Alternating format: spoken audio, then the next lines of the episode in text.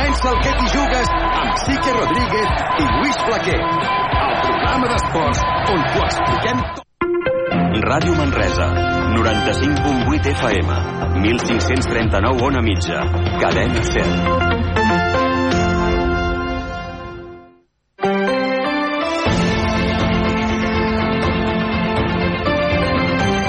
Hora L, Catalunya Central. Eli Pagant.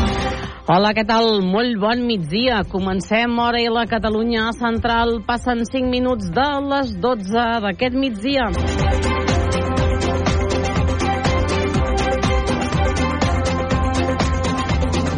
Divendres, doncs, plujós, amb pluges generals, hores d'ara 8 graus al centre de Manresa.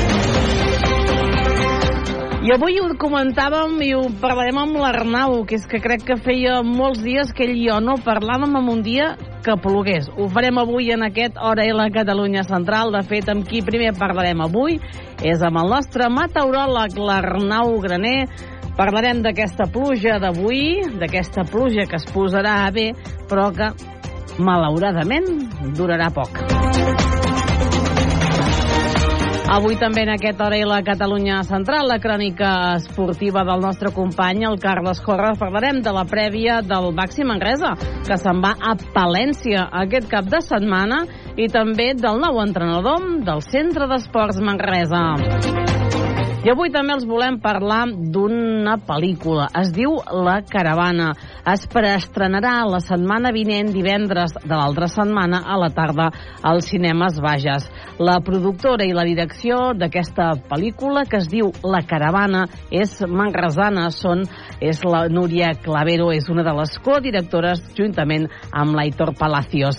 Doncs avui parlarem amb la Núria, parlarem d'aquest projecte, d'aquesta caravana, que el que va fer és seguir una jove que feia la ruta per sortir del seu país per anar fins als Estats Units. En parlarem avui, doncs, amb la Núria Clavero d'aquesta caravana.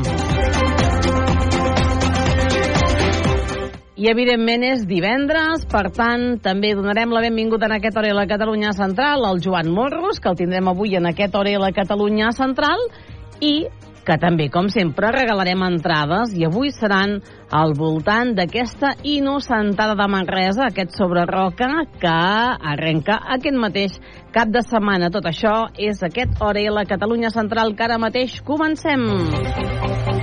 I com sempre ho fem en format de notícies.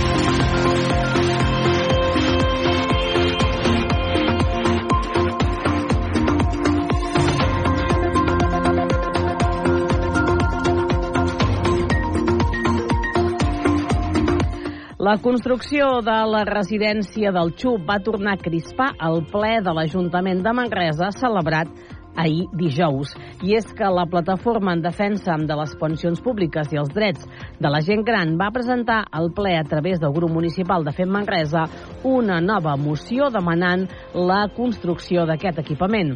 La moció, que finalment va ser rebutjada, proposava obrir una partida al pressupost a l'Ajuntament de Manresa del 2024 per un import d'un milió d'euros per tal de licitar la realització dels estudis previs necessaris i elaborar el projecte de la residència al XUP. Una proposició que va comportar un llarg i a vegades intens debat entre els diferents grups municipals. Una proposició que finalment, com dèiem, va ser rebutjada. Va obtenir els vots a favor de Fem Manresa, Junts i Front Nacional. En la seva intervenció, la regidora Mariona Oms va defensar el fer compromís de l'equip de govern de construir aquesta residència, però amb la garantia que pugui tenir una seixantena de places concertades. Sense aquesta garantia, asseguren, el centre podria ser un equipament totalment privat. Durant el debat, la regidora va deixar caure també que la residència del sector Concòrdia, construïda i buida fa dos anys, obrirà les seves portes. De fet, podria obrir portes ja al segon semestre del 2024 i estaríem buscant ja l'empresa que la regentarà la direcció d'aquest nou equipament a la ciutat.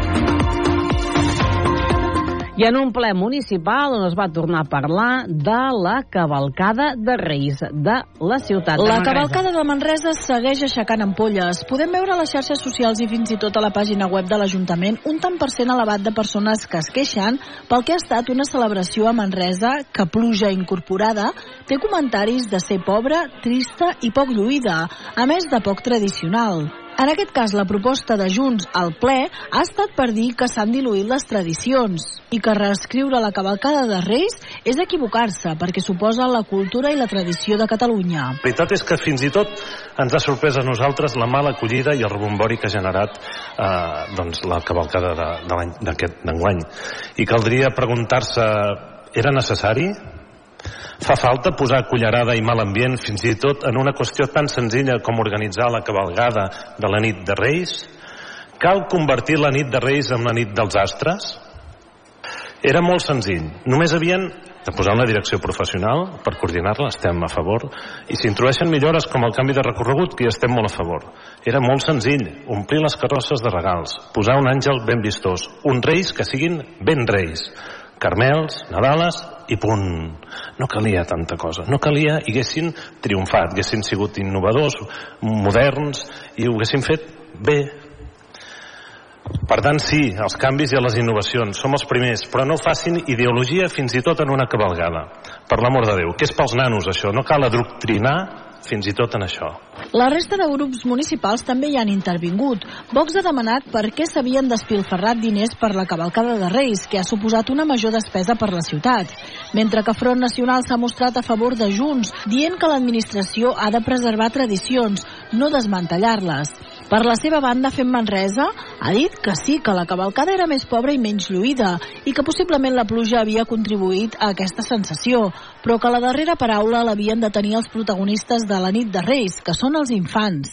Cal dir que la regidora de Cultura, Tània Infante, va defensar la cavalcada i el resultat obtingut. En cap cas hi ha hagut una voluntat de transformar els orígens de la cavalcada, sinó que s'ha fet una cerca exhaustiva dels seus orígens de la tradició i enguany s'ha fet valdre una part que fins ara passava desapercebuda. Per això no coincidim en l'afirmació de que les decisions no es fonamentaven en qüestions tècniques o organitzatives.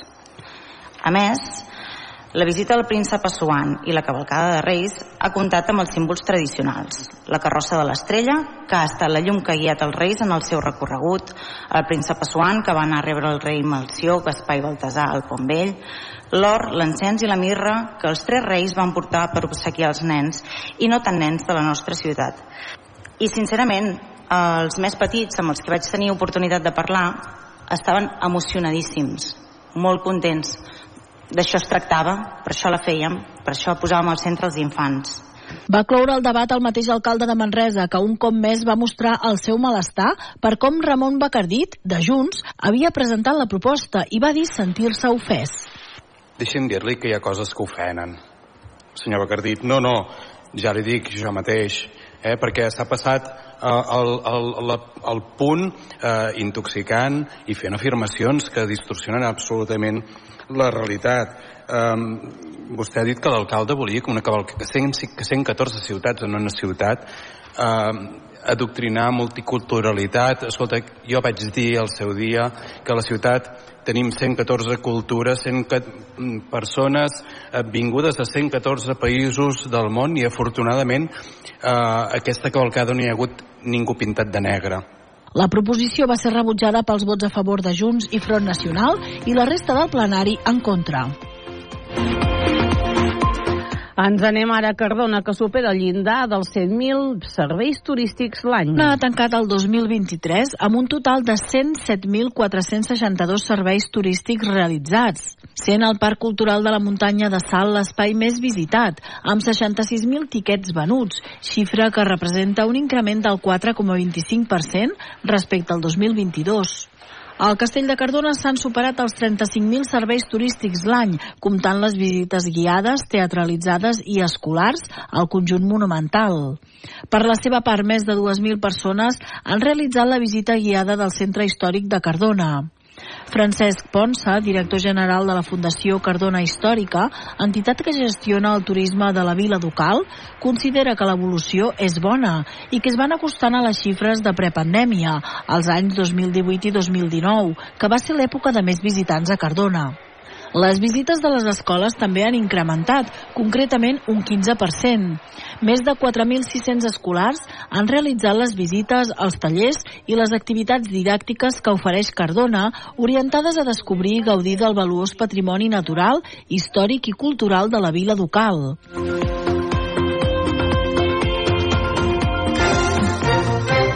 Anem per les portades. El diari Regió 7 parla amb la vegenca a que aquí se li han perdonat els deutes. Diu, no dorms, no menges i no poses la calefacció perquè no t'arribin els diners. També expliquen que un centenar de persones van acompanyar la mare i quatre germans en la projecció del Zorri dels cinemes de Manresa. Ens en anem a l'equí Berguedà.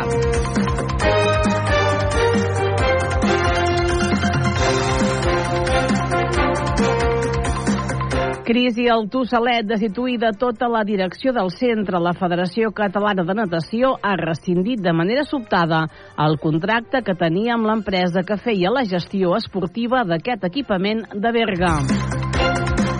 També parlen que el Berguedà està en alerta per nevades aquest divendres per sobre dels 500 metres. El Naixi Digital Solsona parla de la presó per als tres individus acusats de l'assalt a una entitat bancària l'Uliana l'estiu passat. La banda ha estat desmantellada aquest dilluns quan es disposava a atracar un altre banc a l'Aragó.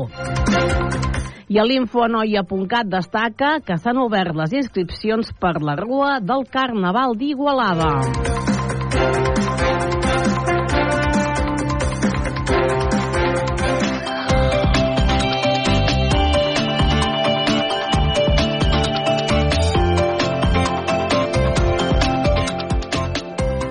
I avui, doncs, en aquest hora la Catalunya Central, comencem, com sempre, saludant la nostra meteoròloga Arnau Graner, que si avui estic contenta d'haver sortit al matí en paraigua, suposo que vosaltres encara esteu molt, molt més contents per aquest divendres plujós. Doncs la veritat, bon dia a tothom. Bon dia. És que no t'ho pots arribar, no t'ho pots arribar a imaginar. Clar, perquè jo no sé quant temps feia que no sortíem de casa amb paraigua, eh? I a més a més, a, a primera hora del, del matí, a l'hora que he sortit jo, plovia. Vull dir que és allò de... No? Mira, uh, contents de que, de que plogui. No sé com anirà aquesta jornada. Hem de tenir molta pluja, poca pluja, dependrà de la zona. Arnau, què ens espera, doncs, per aquest divendres? La veritat és que serà una pluja força general i malauradament poc generosa, però sí que pot estar fins ben bé eh, primeres hores del vespre, fins a les 7, 8 del vespre, plovent, com ho està fent ara, anar fent, sense grans aiguats, però aleshores farà que la, les acumulacions, doncs bé, puguin ser entre els 6, 7, 8 litres i els 12, 15, fins i tot en algun punt de la Catalunya central, sobretot cap al sud, cap a la Noia, sobretot al sud del Bages, a Noia, a Baix Llobregat, sud del Solsonès, en aquestes zones es poden acumular eh, més de 18-20 litres per metre quadrat. Per tant, sí que en aquestes zones doncs, la quantitat no és per tirar coets, però venint d'on venim, la pluja d'avui, el temps d'avui, serà eh, or, mm, sobretot també mirant i pensant en el, en el que ens vindrà a partir de dilluns i dimarts de la setmana vinent. Per tant, aprofitem, gaudim d'aquest dia plujós, rúfol, fred, en definitiva, un dia d'hivern que feia uh, realment molt temps que no teníem uh, aquí a casa nostra i en especial a la Catalunya central, que, que bé que a mes de gener tenir uns dies o una situació d'aquestes és molt benvinguda. Uh, mm, també vol dir neu en alguns punts, Arnau? Sí, l'únic problema és que com més al nord, menys precipitació al llarg del dia, eh, acumulacions de neu a pràcticament tot el Pirineu oriental, que és el que necessitaríem que hi caigués més, més quantitat de neu, quantitats minces, entre 2, 5, 7, 8 centímetres a tot estirar, per tant, molt poqueta cosa, és una nevada molt tímida, sí que pot anar fent durant moltes hores, però no deixarà grans quantitats de neu. Com més al nord, menys precipitació, com més al sud, més precipitació. La zona més afavorida de Catalunya avui seran les comarques de Tarragona i en especial les Terres de l'Ebre, on allà sí es poden acumular entre 30 i 50 litres a tot estirant els punts on pugui haver-hi una mica més d'intensitat de precipitació. Per tant, fora del que és meitat sud de Catalunya, poqueta pluja, sí que plourà, Uh, però ben bé mm, per mullar el terra i fer contentes a les plantes, arbres i, i animals, però uh, malauradament molt poqueta cosa en aquestes zones. Aquí a casa nostra, la Catalunya Central, el que comentàvem, eh? entre els 8, 10 i els 18 litres per metre quadrat amb aquesta forquilla, tot i que serà força general, eh? Mm, jo penso, ara aquí ja parlo per mi, personalment, entre els eh, 12 i els 17 litres aquí a la Catalunya Central, que serà molt benvinguda i és que venim d'una època que és molt car de veure un dia com el d'avui. Temperatures no pujaran llavors? Ens quedarem temperatures força baixes avui, Arnau, també? Màximes hivernals, no superarem els 10 graus en lloc, per tant, tindrem fred, notarem fred, a més la humitat aquesta eh, es posa dins dels cossos, dins del nostre cos, per tant, ben abrigats eh, si sortim al carrer i aprofitar, doncs això, mm, que està plovent per gaudir-ho i per, per mirar-ho i per, i perquè tothom gaudeixi d'un dia com, com aquest d'avui. Dia d'hivern, dia de, de ple hivern. Sí, perquè ahir dia de calor, podríem dir quasi bé, eh? perquè ahir jo crec que eh, a segons quins punts, per exemple, ahir dijous, les mínimes eren espectaculars, d'altes. Sí, vam tenir una, vam tenir una, una situació ahir de vent de Ponent i Garbí, que això el que provoca aquí a casa nostra, com, com ja hem comentat molt diverses vegades, és que la temperatura es dispari en els llocs on més vent bufa. De fet, la matinada de, de dimecres a dijous va haver-hi poblacions de les comarques gironines que no van baixar dels 16 o 17 graus de temperatura mínima. És realment unes temperatures molt, molt elevades que són, eh, venen produïdes i provocades per aquesta situació de vent de ponent i de garbí. Per tant, mm, avui ja no tenim aquesta situació, és una situació completament diferent, que això el que, el que farà és que haguem passat d'un dia de primavera ahir a un dia de ple hivern avui i el que, i el que portem arrossegant tot aquest temps, que són aquests constipats, grips, eh, eh, Covids de tot, doncs eh, puguin tornar a, a fer-se més presents a causa d'aquests canvis de temperatura que, que ben bé doncs, no estem molt acostumats. Tot plegat, Eli, eh, que no ho hem comentat, amb una cota de neu que se situa ara al matí al voltant dels 1.200-1.400 metres d'altitud, però mm, compte que de cara a la tarda aquesta cota de neu pot anar baixant i pot situar-se per sota dels 1.000 metres o fins i tot per sota d'aquests 900, 800, 900 en alguns indrets més elevats de la Catalunya central. Què vull dir amb això? Que en el moment que comenci a retirar-se la precipitació pot ser que zones com eh, precisament Collsospina, l'Estany, fins i tot muntanyes de Prades, totes aquestes zones una mica més elevades de la zona, d'aquesta zona més central, podríem veure algun floc de neu a, a les seves localitats. Per tant, mm, a veure qui té sort, a veure si realment la precipitació es manté fins a aquestes dades que comentem i en aquestes zones es pogués veure algun floc de neu a l'espera del que dèiem. A partir de dilluns canvi de patró altre cop, canvi de temps i molt probablement acabarem al gener amb anticicló. El cap de setmana, llavors, això d'avui podíem dir que és un miratge, és a dir, la pluja existeix, m'enteneu? És a dir, es plou un dia, què és el que tindrem el cap de setmana? Llavors, cap de setmana tranquil? La pluja existeix i que com més dies existeixi millor. millor. Cap de setmana tranquil, sí, però molt fred, sobretot demà. Demà eh, ens llevarem, com que durant la nit molt probablement el cel es vagi asserenant, demà i diumenge ens tindrem una, uns matins realment freds, amb glaçades pràcticament arreu.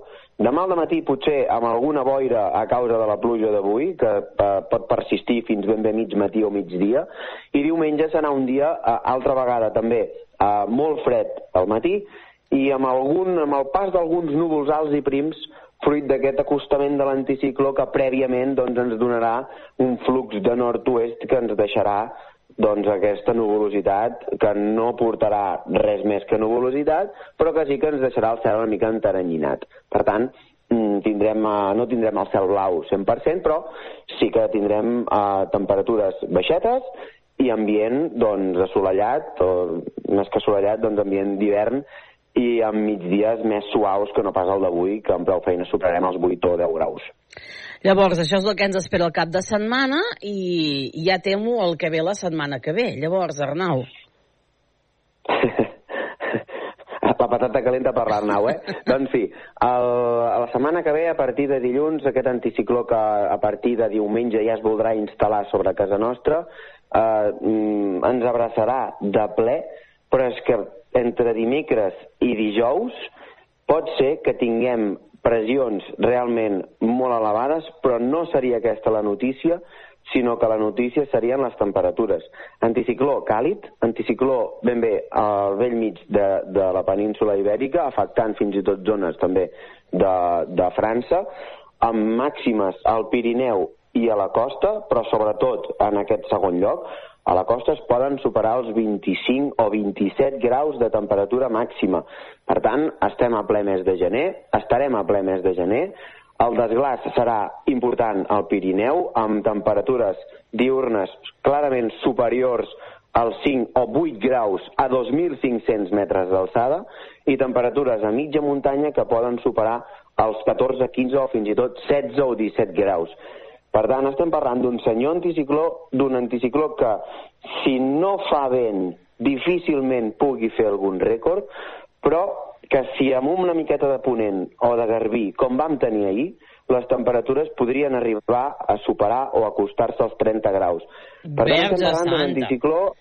30 graus? d'un anticicló Sí, sí, sí, de fet, uh, uh, sí, sí, però no passarà, eh, segurament, perquè no serà un anticicló amb vent de ponent, serà un anticicló amb calmes, amb poc vent, en tot cas una mica de flux del Mediterrani, amb la qual cosa difícilment s'assoleixin aquestes barbaritats. Però sí que algun 25 i fins i tot superior a aquesta temperatura l'arribarem a, a tenir. Per tant, esperem una setmana vinent molt tranquil·la. Eh, tampoc creiem que hi hagin gaires boires i migdies realment eh, desbocats. Per tant, aprofitem avui, aprofitem el cap de setmana, que sembla que la setmana que ve tindrem un tastet de primavera eh, realment important.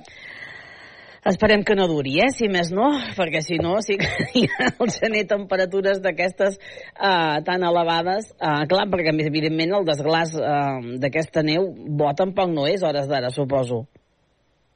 Bé, bé no, no és que sigui bo o dolent, és que sobretot al Pirineu Oriental no existeix, no hi ha neu, per tant Clar. el desglàs és uh, ínfim. L'únic que sí que on poden patir realment i de debò són les estacions del Pirineu Oriental que s'esquia gràcies a la neu artificial i que bé, que la setmana vinent poden veure realment minvada la, la, la quantitat de neu que tenen a les pistes i veurem si hi ha alguna estació que s'ha de plantejar el seu tancament. Per tant, mm, bé, la situació és la que és, és crítica, és realment eh, preocupant, sobretot per l'època de l'any en què estem, però mm, també és el que ens toca viure i també és una part del nostre, de la situació que tenim en el continent europeu i mm, també agreujada per aquest canvi climàtic eh, tan accelerat que estem, que estem vivint aquests últims dos o tres anys.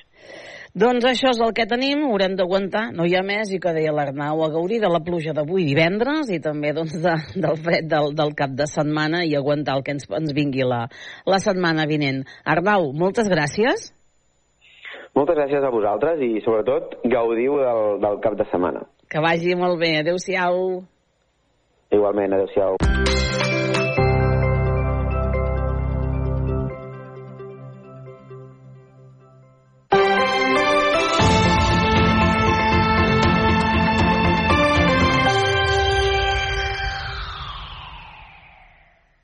Busques feina? Et donem la solució. Coneix i consulta l'empresa GCT Plus, l'empresa de treball temporal que es posa a la teva disposició per ajudar-te. Et donaran resposta immediata a les teves necessitats laborals amb oficines arreu del territori català. Deixa'ns ajudar-te i vine a la més propera, a Manresa, Igualada o Berga. Consulta la web gctplus.com.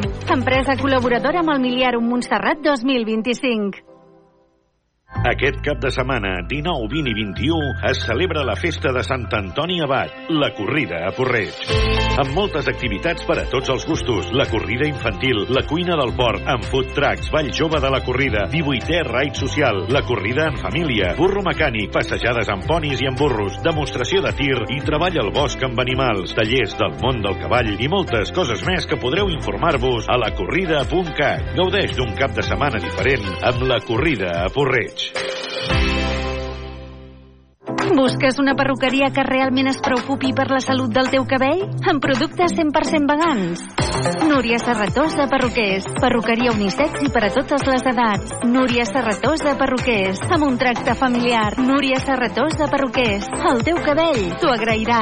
Reserva hora trucant al 93 874 43 64. Plaça Bages 14, primer primera Manresa. Núria Serratós de Perruquers, perquè el teu cabell ens importa.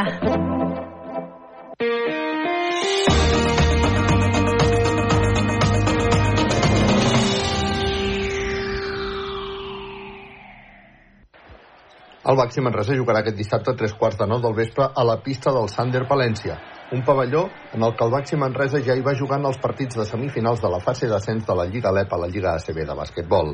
El Palència es troba en un molt bon moment de forma. Ells estan en el seu millor moment de la temporada, han guanyat dos dels tres últims i el que han perdut ha sigut competint molt bé amb l'Unicaja eh, i, i han fitxat dos jugadors que els estan donant moltíssim, no? el Pinheiro i el Francam eh, i a l'entrenador que els ha donat un altre aire, juguen ara amb, amb, amb una defensa eh, diferent a la que jugaven abans, no? i això els està donant molt bons resultats, diguem, no? A més a més juguen al seu camp, que tenen, és un camp fantàstic, vull dir, fantàstic per ells, perquè hi ha una grandíssima pressió, el camp ple, el Baxi Manresa viatja a primera hora de la tarda d'aquest divendres en un vol cap a Valladolid per acabar el trajecte per carretera. Els manresans es presentaran amb tot el seu equip al complet, excepte la baixa ja coneguda de Guillem Jou, que tot just comença a incorporar-se a l'equip en ple procés de recuperació de la seva lesió a l'esquena.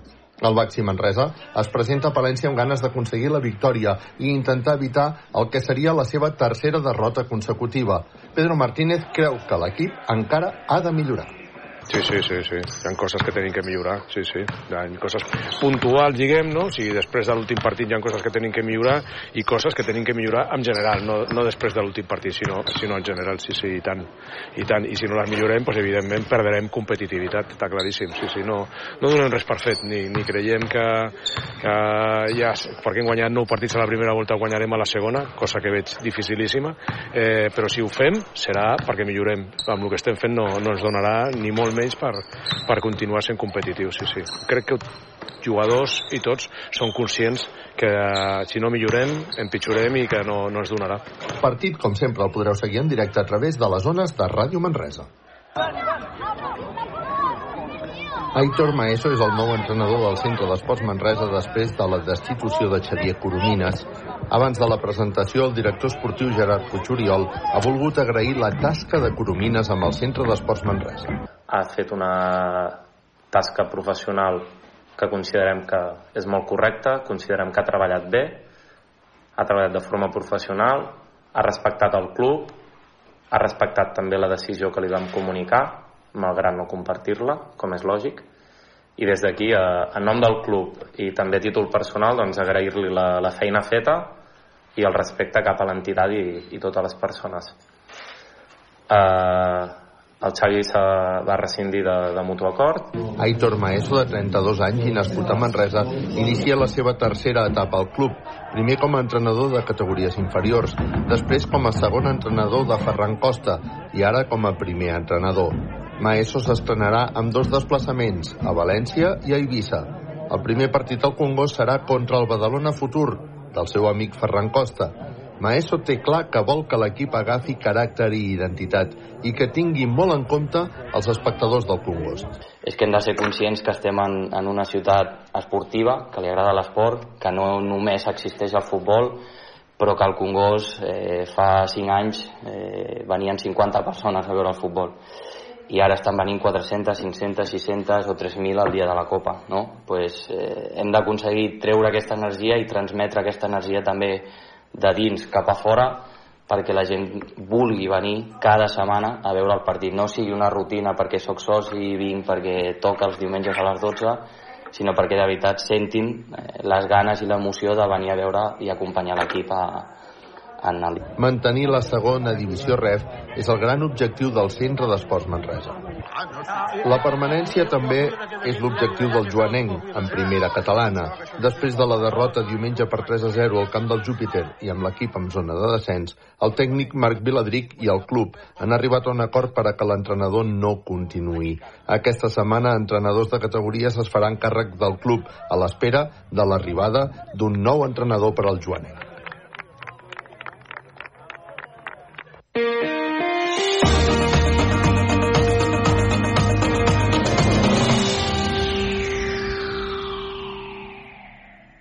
Busques feina? Et donem la solució. Coneix i consulta l'empresa GCT Plus, l'empresa de treball temporal que es posa a la teva disposició per ajudar-te. Et donaran resposta immediata a les teves necessitats laborals amb oficines arreu del territori català. Deixa'ns ajudar-te i vine a la més propera, a Manresa, Igualada o Berga. Consulta la web gctplus.com.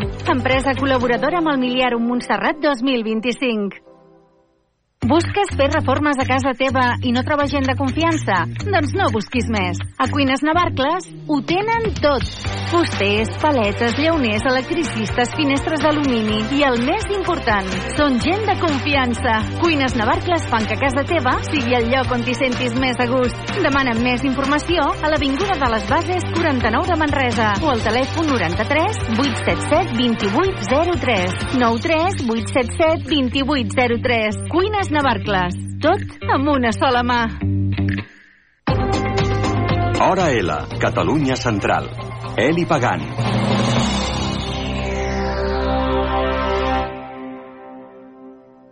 Nosaltres, en aquest Arela Catalunya Central, els volem parlar de La Caravana.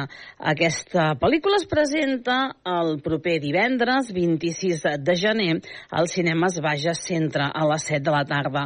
Avui nosaltres en volem parlar. Per això hem convidat a la Núria Clavedo. Ella és productora de Cabal Films i també és codirectora d'aquesta La Caravana. Primer de tot, la saludem. Núria, molt bon dia. Hola, molt bon dia, Eli. Moltes gràcies per convidar-me. Gràcies també per acceptar. Anirem a PAMS, parlarem de la caravana, però mm, per posar una mica en antecedents als nostres oients, um, què és eh, Cabal Films, Núria? Cabal Films és una productora audiovisual, eh, radiquem aquí a Manresa i ens dediquem a fer cinema, fem documental, fem reportatge, també fem vídeo promocional, fem videoclips, Uh, sí, tot el que tingui a veure amb la, amb la producció audiovisual. Uh -huh. uh, des de quan esteu, esteu operatius? Quan, quan veu obrir? Quan va començar Cabal Films? Núria? Eh, Cabal Films justament comença arrel de, de la caravana. És la primera vegada que l'Aitor i jo treballem amb, eh, plegats amb un llargmetratge.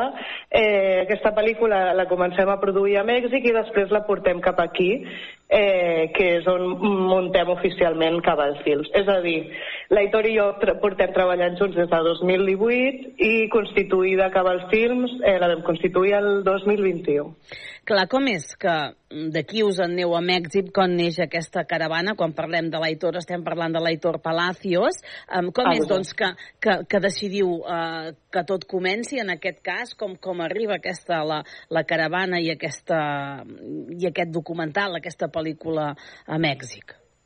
Sí, mira, eh, és una mica per, per casualitat, per un atac d'impulsivitat i d'intuïció que vam tenir l'Aitor i jo. Eh, estudiàvem junts a la Universitat de Girona i, i els dos va coincidir que, que vam anar a fer un intercanvi d'estudis a Mèxic on ens estàvem especialitzant en cinema documental. Uh -huh. eh, portàvem unes setmanes eh, quan vam començar a escoltar notícies de la caravana.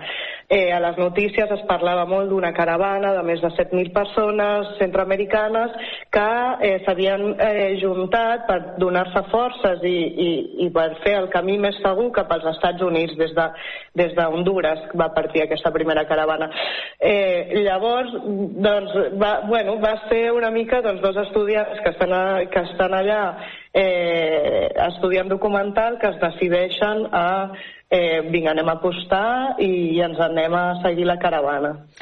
Ah, clar, la caravana és real per les persones, eh, pels nostres oients. Explica'ns que ben bé què és eh, aquesta caravana. Estaves parlant de moltíssimes persones, és aquest Sí. trasllat de tot aquest munt de gent de Mèxic cap als Estats Units. Per què marxen? Sí, la, eh, la caravana, eh, la que vam seguir nosaltres, el 2018 va ser la primera gran caravana eh, que s'hi van ajuntar això, unes 7.000, 8.000 persones.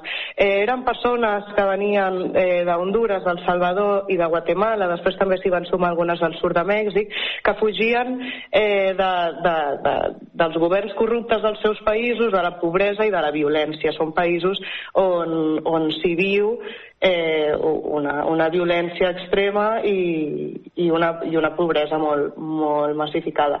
Eh, llavors, eh, abans d'aquesta caravana ja, ja eren països eh, d'on emigraven unes 300 persones al dia. El que passa és que ho feien de forma individual, en famílies, petits grups, només d'homes, eh, i va ser llavors quan, quan van tenir la necessitat i, i arrel de grups de Facebook, vull dir, va ser una cosa eh, que, que, que no va ser organitzada, no? Mm. Ni, ningú va organitzar així de, de, de forma oficial, eh, es van ajuntar-se i van dir, ostres, doncs si migrem junts, Mèxic és un dels països més perillosos pel, pels emigrants, perquè eh, hi ha molt narco, eh, hi, ha, hi ha molt perill, sobretot per les dones. Eh, llavors van dir, si ens ajuntem, podem emigrar famílies senceres, nens, dones, gent gran, gent amb discapacitats, perquè entre nosaltres ens, ens donem seguretat, eh, que caminem junts, a més ho fem d'una forma més barata, és a dir, evitem els coyotes que li diuen que són les persones que es dediquen a traficar amb, amb les persones, no? eh, que cobren milers i milers de dòlars, que molt poca gent s'ho podia permetre, i, i aquests són els motius pels quals eh, es va crear la caravana. Clar, vosaltres decidiu fer aquest documental, aquesta pel·lícula sobre la caravana. La, mm, en aquest cas, la caravana parla, la vostra, la d'aquesta, no? la, la d'aquest treball d'una persona en concreta, d'una jove. Com ha anat tot això? Per què decidiu parlar de la, de, de la Iure, de la Yuri, perdó? Sí, exacte. Eh, això també va ser, va ser molt màgic perquè el segon dia que estàvem eh, amb la caravana eh, vam conèixer la Yuri. Eh, ens la va presentar un, un honduret que havíem conegut, que estava molt content de que estiguéssim eh, documentant la caravana, i ens, ella ens presenta la Yuri. La Yuri és una noia de 19 anys eh, que estava en aquell moment embarassada de 8 mesos, eh, viatjava amb la seva parella i, i el seu fill de dos anys que, que portaven. Eh, llavors, quan, quan la vam veure i quan li vam preguntar que, que què feia amb la caravana, que, que, que, que, que volia aconseguir, ella molt determinada ens va dir que el seu fill naixeria a dins dels Estats Units, perquè li volia donar una millor vida que la que li, li havia pogut donar el, seu, el Santi, el seu fill de, de dos anys, que s'havia criat a Honduras fins llavors. Eh, Bé, ens vam quedar molt impressionats amb la seva història i va ser quan vam decidir eh, que, la, que la pel·lícula de la caravana aniria sobre la Yuri i la seva família. Que estem parlant d'una noia de 19 anys. Sí, sí, sí. Que ja porta tot un bagatge també d'una vida complicada i dura, suposo. Per tant, com la Yuri, totes aquestes persones que formen part d'aquesta caravana segurament no, Núria, devien tenir tota la seva, la seva història. Sí, sí, cada dia eh, era escoltar centenars, desenes d'històries eh, de persones que, que, que havien patit molt, que, que estaven amenaçades, potser que, que persones que havien venut eh, en dos dies, perquè, com et dic, no va ser una cosa mm. oficialment organitzada, vull dir, molta gent fins i tot es va, eh, es va sumar a la caravana quan, quan quan ho van veure les notícies que ja estava sortint. Llavors eren persones, imagina't lo desesperades que, que pot estar una família que, que ven la casa en dos dies, ven les poques coses que té, la, la nevera, la torradora i així, històries, ens explicaven moltes de, ostres, en dos dies hem malvenut totes les coses que tenia a casa per, per venir amb la caravana i, i intentar entrar als Estats Units. Són uh, 5.000 quilòmetres, no?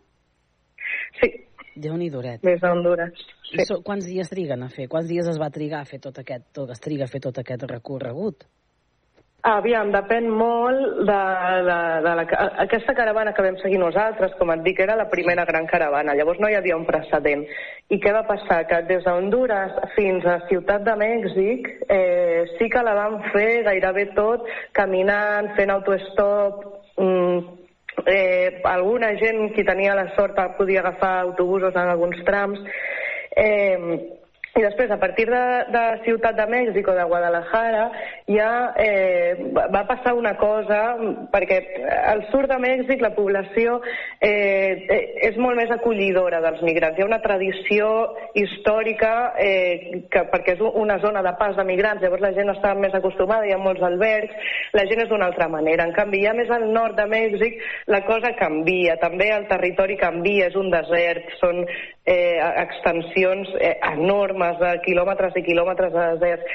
Llavors el que van fer els estats de Mèxic va ser que van, van posar autobusos. Llavors, per exemple, eh, el de Sonora, el, el governador de Sonora va posar un autobús que, que els portava des de la frontera sud de Sonora fins a la frontera nord i allà els deixava, no? Eh, llavors, ells, ells en concret van trigar un mes i mig des d'Honduras uh -huh. fent-ho d'aquesta forma. Hi ha formes de fer-ho molt més ràpid i també molt més a poc a poc. Clar, depèn molt de, la, de les circumstàncies. Uh, una vegada fet el, fet el, uh, fet el treball, um, Núria, eh, contents, uh, satisfets mm, perquè aquest conflicte no, de, aquest conflicte migratori no, d'aquest pas no, d'aquesta caravana però que és un conflicte migratori que a Centroamèrica es viu, és un problema també molt real. Sí, segueix passant. Si, si, busques, si busquem a les notícies ara mateix segueixen havent caravanes. El que passa és que hi ha hagut un canvi. A Estats Units va dedicar miler, milions de dòlars a, perquè Mèxic creés un exèrcit que es diu la Guàrdia Nacional que bàsicament es dediquen a no deixar que els migrants passin de la frontera sud de Mèxic. Llavors, als Estats Units el que està, el que està intentant fent és desplaçar la seva frontera, que en comptes de ser la seva frontera sud, que sigui la frontera sud de Mèxic, no? Eh, però sí, oi tant, segueixen passant i ara veiem altres nacionalitats, veiem molta gent de Cuba, veiem molta gent haitiana, eh, gent fins i tot de països de l'Àfrica, que, que, que, que arriben després d'un trajecte increïble. Eh, sí, sí, és, és una situació que lamentablement segueix passant i continuarà passant. L'objectiu també amb, aquest, amb, aquest, uh, amb aquesta caravana suposo també és que la gent reflexioni eh, sobre, sobre, sobre aquest fet, sobre aquest flux uh, migratori, sobre el que significa, no? el que deies tu, amb dos dies haver haver-t'ho de vendre absolutament tot per poder, no? per marxar de casa per, pel que buscava doncs, la, no? la Yuri per la seva família, un, una llar pels seus fills. Sí, sí, sí, exactament. Eh, mira, la, la, eh, la, la gent que, que, que tenim el privilegi d'haver nascut als països de, de l'hemisferi nord, diguéssim d'Occident, Estats mm. Units, Europa, Canadà, eh, hem de fer una reflexió i, i, i no val només pensar de, ui, què està passant, que perquè aquí passa el mateix, no?, en gent de l'Àfrica. Eh, hem de fer una reflexió i pensar quins són els motius pels quals eh, nosaltres tenim tots els privilegis que tenim i, aquesta, i, i, i la gent eh, del sud no els té. No? Llavors hem de fer una reflexió històrica i, i, i fer-nos conscients de que nosaltres tenim el que tenim gràcies a que històricament hem estat eh, eh, expropiant eh, els recursos de la gent del sud. Els Estats Units ha estat eh, manipulant els governs eh, com, com ha volgut de, de Centroamèrica i de Sud-amèrica Eh, i, I bé, sí, sí és, és aquesta la, la, la reflexió que, que el documental segurament no, no es veu, però, però que a mi m'agradaria que molta gent que vegi el documental faci. La caravana té un munt de reconeixement ja, Núria, suposo que, que contents també, no? Bon. Per això vol dir una, una molt bona acollida. Sí, ell i pensa que aquest és el nostre primer llargmetratge, és la primera vegada que ens hem enfrontat a la, a la indústria del cinema, és la primera vegada que, que, que, que, que estem treballant en la distribució, en festivals, ha sigut un trajecte molt llarg de 5 anys, que és el que ens ha costat poder financiar i acabar aquesta pel·lícula. Llavors, òbviament, estem contentíssims. Eh, a vegades fem una reflexió d'on hem estat aquest últim any i no, no ens ho acabem de creure. Sí, sí. Ah, clar, perquè una cosa és, a vegades, quan, quan es parla no, de quan es fa un treball, dius, o per exemple algú, el, un músic, un cantant que vol fer un disc, no? al final eh, es fa tot el procés, vosaltres heu hagut de fer també tot el procés, és a dir, perquè llavors tu tens la, no, tens la pel·lícula, tens la, la caravana, però clar, això s'ha de distribuir, això és una altra cosa, no? és una altra cosa que també que també s'ha de fer, i lluitar suposo contra les distribuïdores, en aquest cas, o fer doncs, que aquest, uh, aquest documental uh, i aqu o aquesta pel·lícula arribi als festivals també també és una feina dura. Sí, bé, diria que el que, el que ha estat més difícil sobretot ha sigut acabar la pel·lícula, vull dir, acabar de muntar-la, produir-la, del que això significa, eh, entendre com funciona la lògica de, de, de la indústria del cinema i de les subvencions, eh, ha estat una cosa que, que, que, que ens ha costat i que encara estem en aquest camí, però bueno, ja amb molta més experiència, però sí, sí, sí i ara el resta dels festivals i de la distribució doncs és, és amb el que estem ara, però la veritat és que amb, amb moltes ganes. Com dèiem, es veu aquí a Manresa, es podrà veure aquí a Manresa, es veurà el divendres 26 eh, de gener a les 7 de la tarda al cinema Baja Centre a les, a les 7 de la tarda. Contents també de venir, de, de poder ensenyar ensenyar-ho a Manresa, a casa, Núria? Sí, molt contents. Bé, Eli, hem de, hem de fer una... Eh, és una, és una preestrena, no, no és una estrena pública. Mm -hmm. eh, és important això perquè el, el documental encara està en a festivals, llavors Sí. només s'hi pot entrar malauradament encara per, per invitació. Eh, però sí, estem molt, molt contents. Eh, vull dir, el, el documental s'ha pogut, pogut veure a Xina, s'ha pogut veure als Estats Units, a Cuba, i encara hi ha molts dels nostres amics i famílies que no l'han pogut veure, llavors ja teníem moltíssimes ganes de, de, de poder fer una projecció aquí i compartir-ho amb els nostres. Llavors, quan es podrà veure? És a dir, quan aquest, eh, quan la caravana eh, podrà veure, la podrà veure doncs, el públic en general? Això hi ha data? Com esteu treballant en aquest sentit? Uh, encara no hi ha data, de moment només es, es pot veure a festivals. Eh, D'aquí poc estarà un festival eh, espanyol, però encara no puc dir quin és, eh, no m'ho permeten, eh, però, però ben aviat estarà, estarà, Molt bé. Doncs escolta, avui li agraïm molt a la Núria Clavero que ens hagi volgut acompanyar en aquest, en aquest programa parlant doncs, d'aquesta caravana, parlant de- d'aquesta pel·lícula, parlant doncs, d'aquesta problemàtica i, com dèiem, aquesta preestrena que serà la setmana vinent a les 7 de la tarda al Cinema Baja Centre. Núria, moltes gràcies Ai, moltes gràcies a tu, Eli. i que vagi tot Encantada. molt bé. Adéu-siau. Adéu, merci.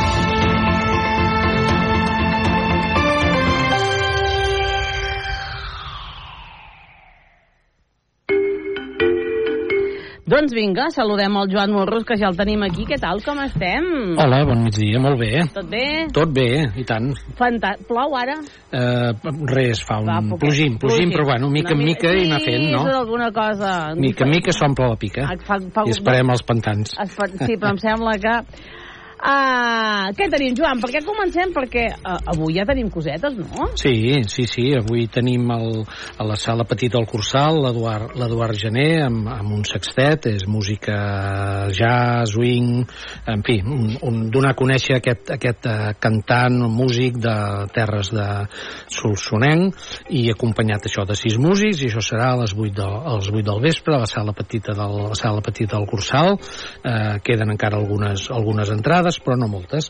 Però, de fet, avui una mica, encara que no sigui pròpiament la, la programació del, del Cursal, eh, és important destacar el fet de que s'estrena la, la Innocentada, no? aquesta 67a Innocentada de Manresa, amb aquest eh, sobre Roca 13, i per tant crec que val la pena doncs, que avui sortegem les entrades per venir amb una de les tres primeres funcions que es fan avui a dos quarts de nou del vespre o demà també a dos quarts de nou del vespre i diumenge a les sis de la tarda that. I a la setmana que ve hi haurà tres noves funcions, però vaja, val la pena que la gent la vegi aquesta primera setmana i així també la podran recomanar. I si et sembla, per tant, Oh, tant. sortegem les dues, les dues entrades, que són Gentilesa de l'agrupació cultural del Bages i, Doncs vinga. i a veure què passa. Doncs és aquest sobre Roca 13, que de fet n'hem anat parlant aquests dies tant a la ràdio també com a la televisió, i obtindrà dues entrades per qualsevol de les tres funcions, com deia el Joan, la primera persona que ens truqui i ens digui qui va ser el creador fa 67 anys d'aquesta innocentada. Tenim tres opcions. A, Joan Barber, B, Pere, Pere Vicenç, perdó, i C, Agustí Soler i Mas. 93 872 26 37, 93 872 26 37. Ens han de dir qui va ser, doncs, el creador d'aquesta innocentada que fa 67 anys que es representa a la ciutat de Manresa. Tenim tres opcions. A, Joan Barber, B, Pere Vicenç, C, Agustí Soler i Mas. 93 872 26 37, 93 872 26 37. Tenim aquestes dues entrades per anar a veure aquest sobre Roca 13, aquesta 67a innocentada. Hola. Ah, hola? Per, per, per, per el concurs. Sí, sí, sí. El seu nom? Mira, Carme. Carme, què més? Carme Gasó. Carme Gasó. Doncs miri, Això. Carme, ens ha de dir qui és qui va crear aquesta innocentada. Si el Joan Barber, si el Pere Vicenç o l'Agustí Soler i Mas. L'Agustí Soler Mas. Doncs Carme, vinga. Doncs molt bé, Carme. Era fàcil avui, Era Joanet, fàcil, eh? sí. Sí, ja tinc entrades. Tinc entrades per les regalades dels meus fills. Ah, fantàstic, Val. doncs. I què sabeu? Quan voleu venir? Si avui, demà o diumenge? No, jo és que Bueno, els hi demanaré. doncs les tindreu a la taquilla del és el Teatre Ah. Conservatori, eh, on es fa la innocentada. I gràcies per trucar i participar i gràcies a, a vosaltres, doncs algú altre se'n podrà beneficiar, eh? Gràcies, gràcies. Gràcies, Carme. Adéu-siau, bon dia. Doncs vinga, feina feta, que no fa nosa, i hem regalat les entrades, i aquest cap de setmana, home, déu nhi tenim la plaça del Diamant, sí, sí. Joan. Jo he dit el plat fort que era, que era innocentada, perquè és molt Home, clar mostrat, que sí, no? perquè és nostre, Però sí, també sí. és un plat fort el que comença la programació del toc de teatre del Cursal, amb aquesta plaça del Diamant. Eh, se n'han fet eh, diferents versions, hem vist la Lolita Flores fent un monòleg, hem vist a tres actrius doncs, també fent-la, hem vist a la gent del, del, de diferents grups que l'han que l'han fet, però ara arriba una, una versió que té la peculiaritat de que les, la protagonista no és una, eh, no és la, la, només no és una única colometa, moltes, sinó que eh? són 11, 11 10 actrius i una, i una noia músic eh, que interpreten doncs, les diferents èpoques de diferents edats i diferents formes de, de pensar d'aquestes possibles eh, colometes i és una versió que arriba des del Teatre Nacional de, de Catalunya és impactant per la sonografia i per la posada, per la posada en escena de la Carlota, de la Carlota Sobirós i en fem tres funcions una demà al vespre a les 8 a, a la Sala Gran del Cursal una altra a les 12 del migdia del diumenge i una altra el diumenge a les 6 de la tarda. La funció del diumenge és d'això que en diem funcions accessibles, no? Cada vegada més doncs, eh, s'intenta doncs, que, que persones amb, amb diferents discapacitats, no? que és la paraula que ara, que ara finalment doncs, ha entrat a la, a, la, a la Constitució, doncs puguin tenir accés al màxim de vegades en els espectacles, sigui música, teatre, sigui dansa, i en aquest cas doncs, les persones doncs, que tenen discapacitats eh, visuals doncs, tenen audiodescripció i les persones amb, amb dèficit, eh, amb dèficit eh, au- auditius doncs, tenen sobretitulació, hi ha una pantalla sobre, sobre l'escenari amb què es pot anar seguint doncs, els, els textos de, de l'obra i per tant doncs, això facilitar que el màxim de gent doncs, pugui venir a veure els, els, diferents, els diferents espectacles. I veig que descanseu durant la setmana, eh? També ja us toca. Eh, Oi, doncs no hi ha res? Ah, no? No, no, perquè el dimecres i el Ai, dijous... calla, calla, calla, ja. Oh, sí, no, sí. i, i, més, i més coses encara que no surtin al llibret, Vale. ara t'explico. Per una banda, dimecres i dijous tenim a l'agrupació cultural de, de recreativa de Fals, que presenten per dues vegades, en aquest cas amb el Teatre Ple, la sala petit del Cursal, 180 persones dimecres i 180 el dijous, aquests eh, 12, el nom, ara tu que tens a la xuleta al davant, 12 sense 12 pietat. sense pietat, citat, sí, en castellà, les eh, 12 hombres sin piedad, en aquest cas són homes i dones, és una versió adaptada, i per tant, eh, això, 12, 12 sense pietat, eh, aquest dimecres i aquest dijous. No en fem gaire promoció perquè, perquè ja no hi ha entrades, i no surten al llibret, però divendres fem l'auca del senyor, del Ah, senyor Esteve, de la qual en fem dues, a la qual en fem dues funcions i que ja es va posar a la venda quan va acabar el, el programa de televisió de TV3 de la, de la Puntual dirigit per l'Àngel Llàtzer i per tant doncs, eh, serà un dels primers llocs Manresa on es podrà veure aquest, eh, aquest, eh, aquest espectacle del qual en podem parlar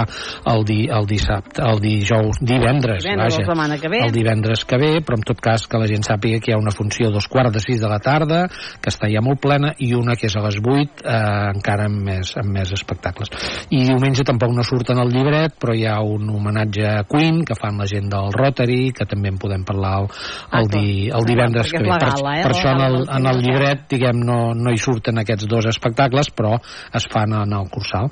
I dilluns farem la presentació de, de la valoració de la, de la eh? temporada amb les dades que són, eh, com ja vaig avançar un altre dia, doncs molt espectaculars amb més de 90.000 entrades venudes i això fa doncs, que, que engeguem aquest any doncs, també contents, amb molta programació variada i, i ja està i que tinguem bon cap, de setmana, eh? Exacte, igualment també per vosaltres, Joan. Fins divendres vinent, adeu-siau. Adeu.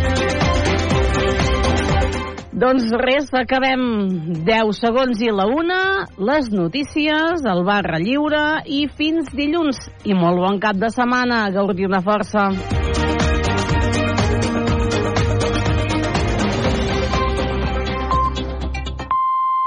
Es la una, las 12 en Canarias.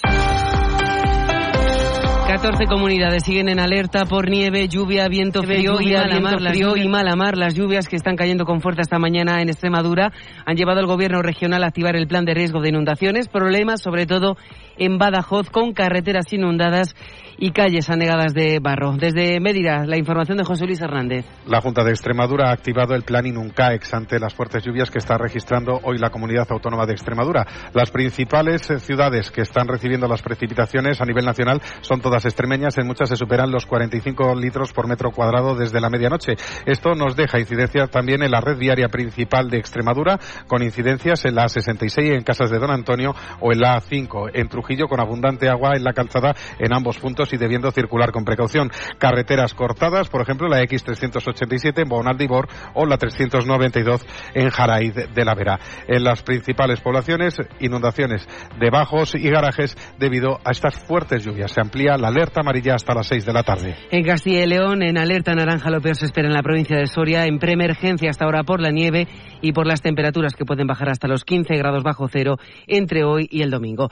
El ministro de Transportes, Óscar Puente, se acaba de referir en Valladolid a la decisión del juez de la Audiencia Nacional, García Castellón, de rechazar el recurso de la Fiscalía y pedir de nuevo la imputación del expresidente catalán, Carles Puigdemont, y de la exconsellera de Esquerra, Marta Rovira, por terrorismo. Eh, Nosotros tenemos mucha- mucho respeto por el Poder Judicial y por sus decisiones.